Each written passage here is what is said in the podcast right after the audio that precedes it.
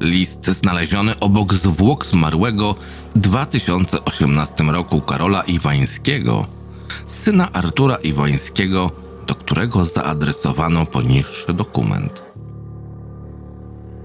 Do Artura Iwańskiego.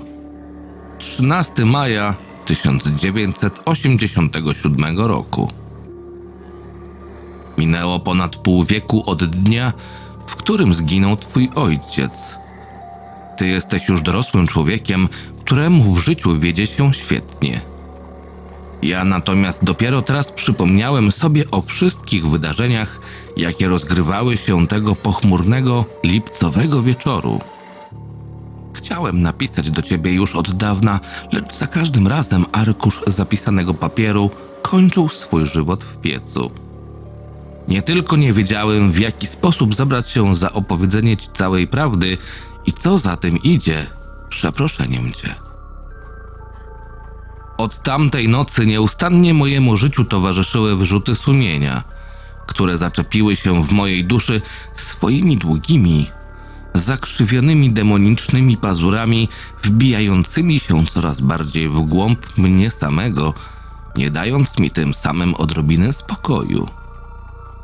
A mimo to, jakby ogrodzone grubą warstwą nieprzeniknionej mgły, ktoś oddzielił mnie od tamtego pechowego dnia, którego przez wiele lat nie mogłem sobie przypomnieć w pełni rozgrywających się wtedy wydarzeń.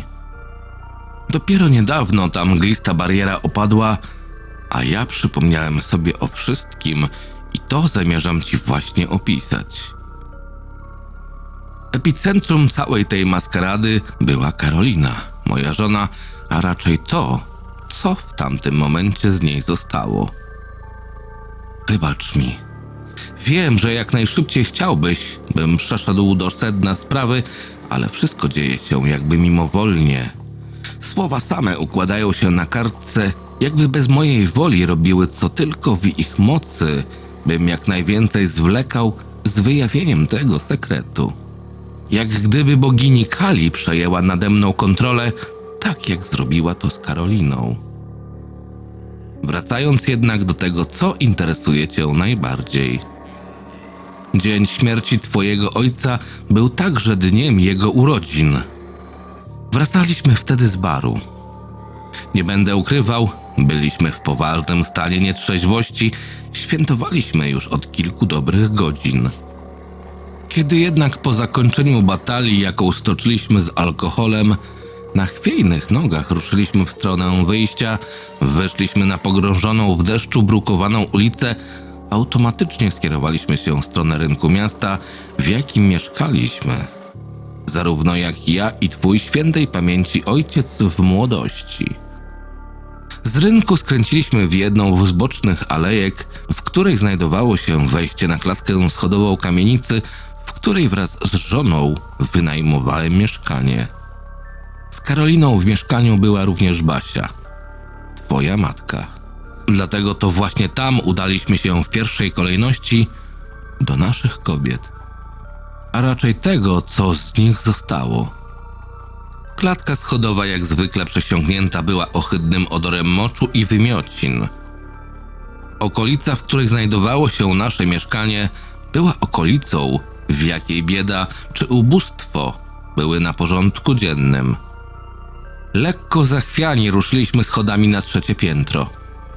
Przed drzwiami z numerem 7 zatrzymaliśmy się niepewnie, oszołomieni wypitym wcześniej alkoholem, a także tym, co zostaliśmy na miejscu.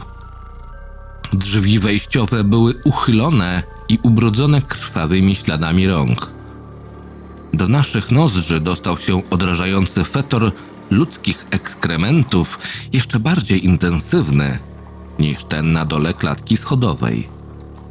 Zebrało mi się na wymiociny, które z trudem powstrzymałem.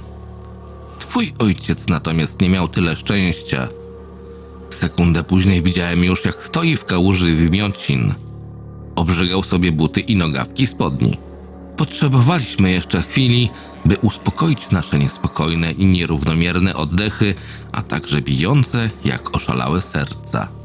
Gdy już udało nam się doprowadzić nasze ciała do normalności, pozwolę sobie to tak określić, weszliśmy do środka.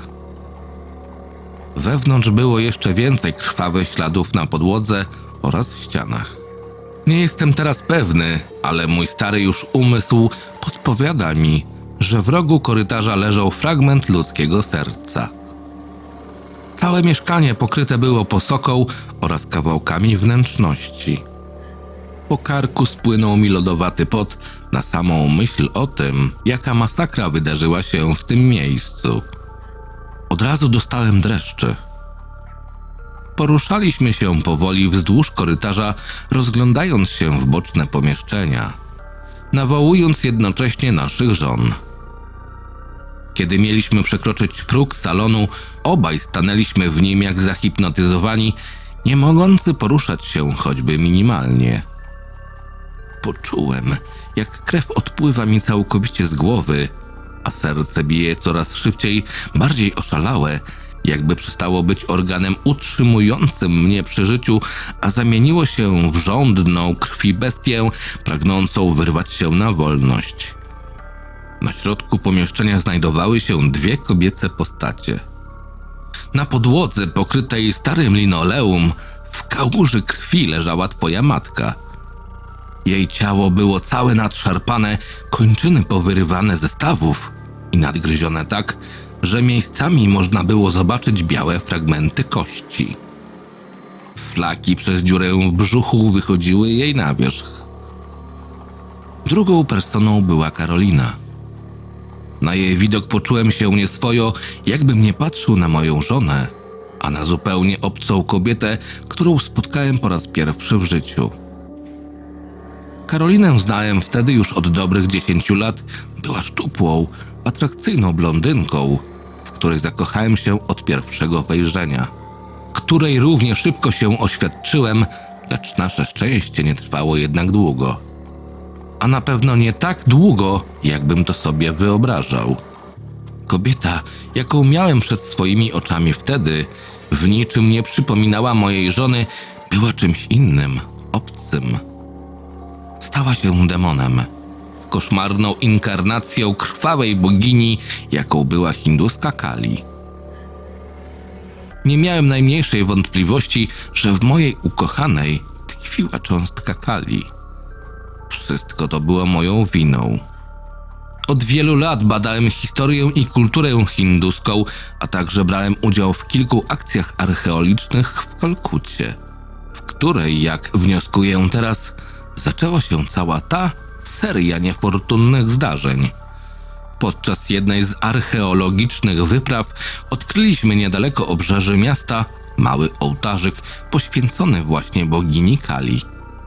Całej naszej brygadzie towarzyszyły świetne humory, byliśmy szczęśliwi tym, że udało nam się coś odkryć. Pamiętam też, że obok kamiennego ołtarzyka z wyrzeźbioną podobizną bogini Zagrzebany w ziemi leżał stary, pięknie zdobiony naszyjnik z kolorowych kamieni, który czym prędzej schowałem do kieszeni roboczych spodni, jakie tamtego dnia miałem na sobie. Ciężko mi stwierdzić, dlaczego to zrobiłem, coś po prostu mnie podkusiło. Ciężko też pracowałem w hotelowym pokoju każdego wieczoru naszego pobytu w Indiach. Dwa miesiące minęły bardzo szybko nawet nie wiedziałem kiedy, a już obejmowałem w miłosnym uścisku Karolinę, obdarowywując ją co chwilę kolejną serią pocałunków. Pamiętam, jak popłakała się z radości na widok naszyjnika, który jej podarowałem. Bardzo jej się spodobał, chodziła w nim praktycznie bez przerwy. Było to niecałe pół roku przed dniem śmierci twojego ojca.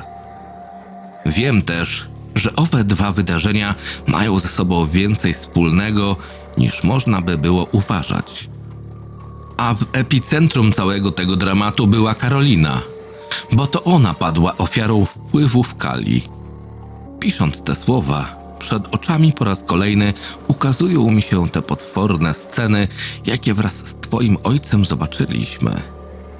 Karolina tamtego dnia wyglądała strasznie. Jakbym nie patrzył na nią, a na samą Kali. Stała tak nad zwłokami twojej matki kompletnie naga. To samo ciało, jakie wielokrotnie budziło we mnie pożądanie, teraz sprawiało, że czułem jedynie odrazę i obrzydzenie. Umalowana była w całości na czarno, jakby ktoś oblał ją w całości smołą.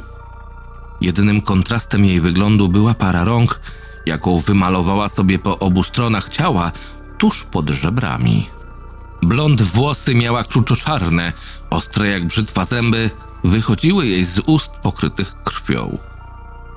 Naszyjnik z kolorowych kamieni, jaki jej podarowałem, zniknął, a jego miejsce zajął naszyjnik z malutkich ludzkich czaszek, mogących należeć do dzieci.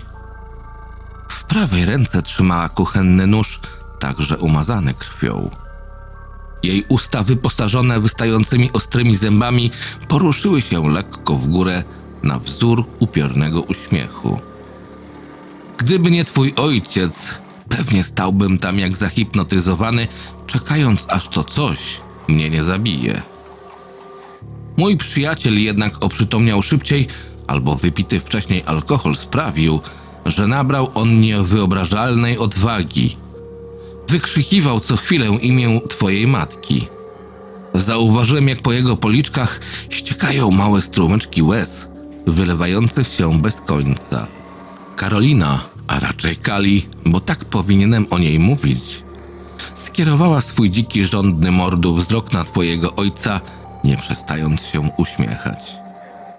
Twój ojciec rzucił się na tę demoniczną personę. Ta zachwiała się lekko, a odzyskawszy równowagę, wbiła trzymane w dłoni ostrze prosto w szyję mojego drogiego przyjaciela. Odzyskawszy kontrolę nad własnym ciałem, popędziłem mu na pomoc. Próbując jednocześnie przegadać mojej żonie do rozsądku, lecz bez żadnego skutku, jakby Kali pochłonęła jej duszę całkowicie, bez najmniejszej możliwości odwrotu.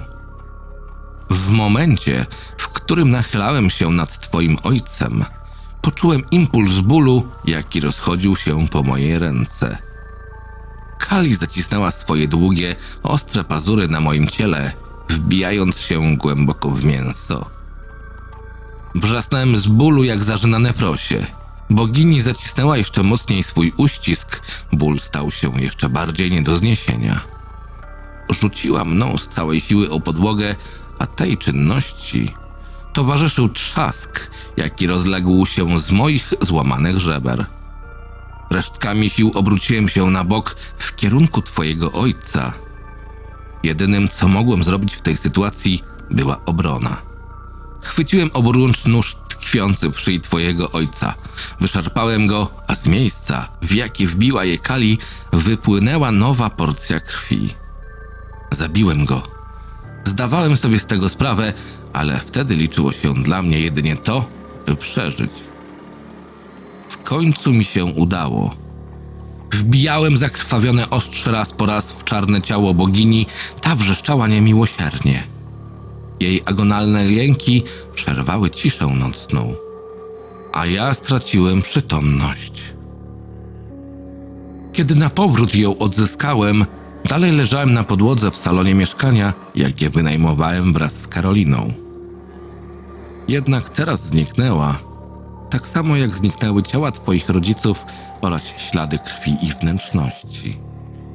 Jak gdyby cała ta chora sytuacja działa się jedynie w mojej głowie. Lecz wiedziałem, że to nieprawda, bo to, co się wydarzyło, było prawdziwymi wydarzeniami. Wszyscy myśleli wtedy, że twoi rodzice, jak i moja żona, uciekli każde w swoją stronę. Byłem jednak jedyną osobą, która znała prawdę i wiedziała, co tak naprawdę się wydarzyło tamtej nocy. Mówię ci o tej historii nie tylko dlatego, że chciałem cię przeprosić za to, co się wydarzyło, a opowiedzenie ci całej prawdy nie było głównym powodem tego, że się odezwałem. Sprawa jest bardziej poważna i przerażająca. Od kilku dni znowu słyszę jej głos. Głos nękający mnie nocami, zapewniający, że nie zabierze tylko mojego życia, ale i twoje oraz twojego syna. Opowiadam ci tę historię, byś miał świadomość tego, co nieuniknione. Nie wiń mnie za to, proszę. Mój czas coraz bardziej zbliża się do końca. Wiem, że już długo nie wytrzymam. Po raz kolejny słyszę jej głos.